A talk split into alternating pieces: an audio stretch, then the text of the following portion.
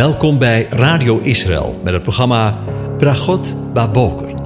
Een kort ochtendprogramma waarin een gedeelte uit de Bijbel wordt gelezen en besproken. Met Bragot Baboker wensen onze luisteraars zegeningen in de ochtend. Presentator is Kees van de Vlist.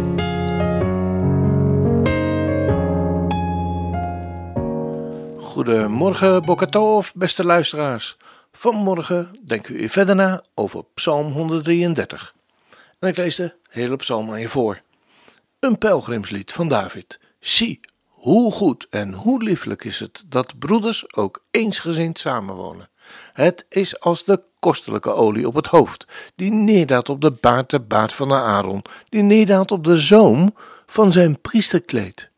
Het is als de dauw van de Hermon die neerdaalt op de bergen van Sion, want daar gebiedt de aanwezige te zegen en het leven tot in eeuwigheid. Over olie als beeld van de Heilige Geest gesproken. We denken vandaag weer wat verder na over vers 2, waar gesproken wordt over de geheiligde zalfolie die op het hoofd van Aaron werd gegoten. Het betrof Shemen Hatof, kostelijke olie. Fijne, verse olijfolie rook sterk naar kaneel. Cassia komt uit dezelfde familie, een schors. Midden, mirre en een onzeker, zoet aromatisch riet, mogelijk uit Sheba of een deel van Arabië. Het is misschien voor onze eigen bescherming dat we de exacte mix van de zalf tegenwoordig onmogelijk kunnen fabriceren. De geparfumeerde zalfolie is een beeld van de Heilige Geest. De Ruach, of Geest van God, wordt in de psalm uitgebeeld met een geur van zoete verlossing voor hen die verlost worden.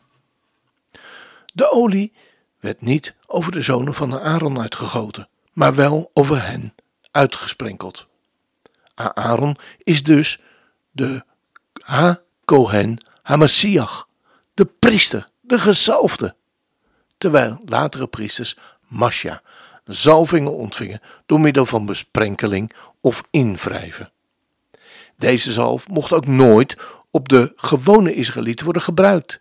Daarom is de zalving voorbehouden aan priesters en de volkomen zalving op het hoofd van de hoge priester. De zalfolie loopt langs Aarons baard en over zijn schouders, langs zijn borst en tot aan de randen van zijn priesterlijke kleding. Het betekent dus dat er een hele grote hoeveelheid olie werd gebruikt. De olie droop en over zijn schouders, over de stenen die gegraveerd waren met de namen van de stammen van Israël, en beneden achter de borstplaat over de urim, de lichten en het tunim, de voltooiingen, die in een zak achter de borsthangers werden gestopt over het blauwe bovenkleed, over het zuiver witte linnen kledingstuk, doordrenkt tot zijn huid. En elk aspect van zijn priesterschap, letterlijk van top tot teen, was de hoge priester de gezalfde en in zijn hoedanigheid als hoge priester de geestelijke herder van Israël. Gezalfd met geheiligde olie, apart gezette olie. Daarmee zien we een grote vergelijking met de Heer Jezus, Yeshua, Hamasiach, die als de werkelijke hoge priester van het volk Israël. De tekst wijst op een stortvloed van speciaal samengestelde geurige zalfolie als beeld van de Heilige Geest. De olie wordt uit een hoorn, een ramshoorn, gegoten, wat duidt op degene voor wie alle gelovigen op een dag de beloofde Roach HaKodesh, de Heilige Geest, ontvangen. Maar is het u wel eens opgevallen dat de zalving van de Aaron, zoals beschreven in hoofdstuk 33 van Exodus, voorafgegaan werd door een heel andere betekenisvolle handeling? Want in Exodus 29 lezen we dat door Aaron en zijn zonen deelgenomen wordt aan het offeren van een plaatsvervangend offer voor de verzoening van de zonde en de maaltijd van matzot, ongezuurd brood.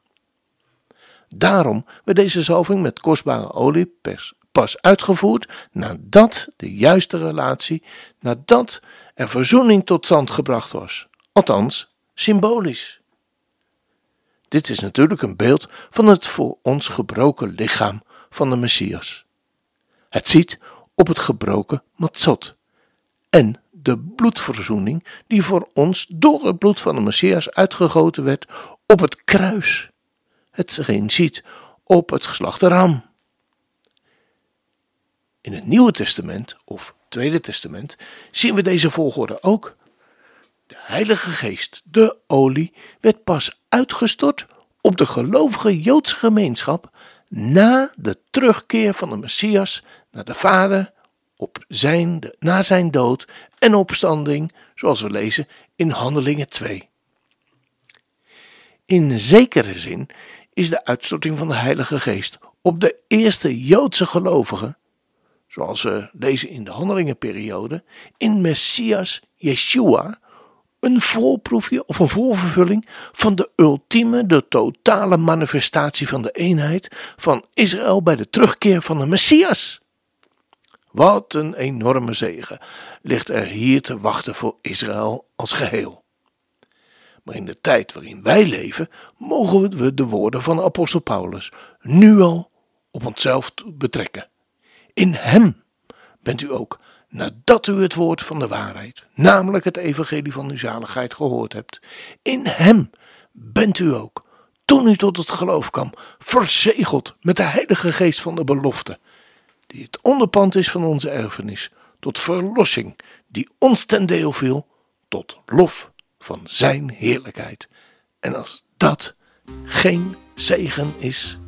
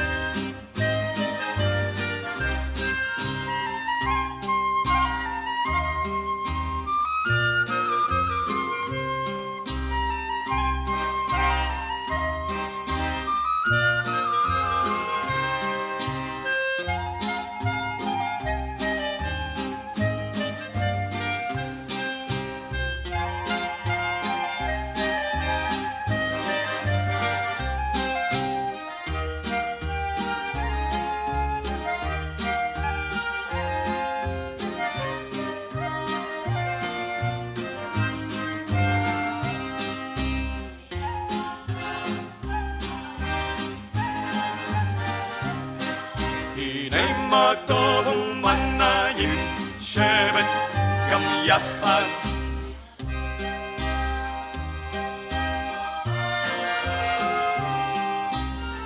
הנה מה טוב הו הו הו הנה מה טוב ומנעים שבת גם יחד הנה מה טוב ומנעים שבת אחים גם יחד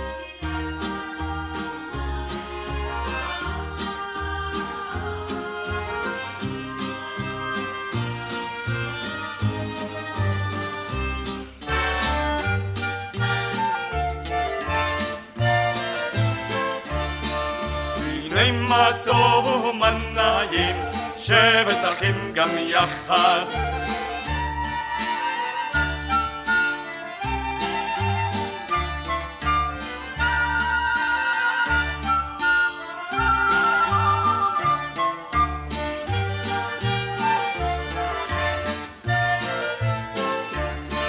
הנה מה טוב ומה נעים, שבת אחים גם יחד. הנה מה טוב ומה נעים,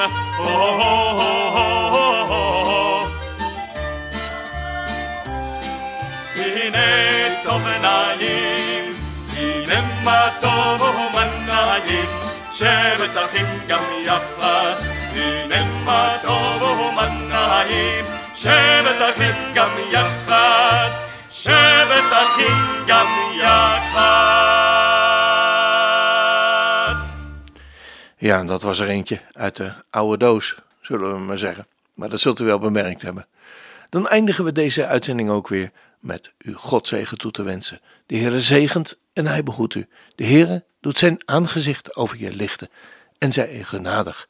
De Heer verheft zijn aangezicht over u en geeft u zijn vrede, zijn shalom. Amen.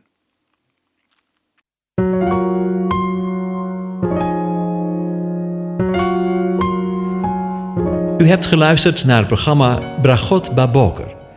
Een kort ochtendprogramma waarin een gedeelte uit de Bijbel wordt gelezen en besproken. Wilt u het programma nog eens naluisteren, dan kan dat. Ga naar radioisrael.nl en klik onder het kopje radio op Uitzending gemist.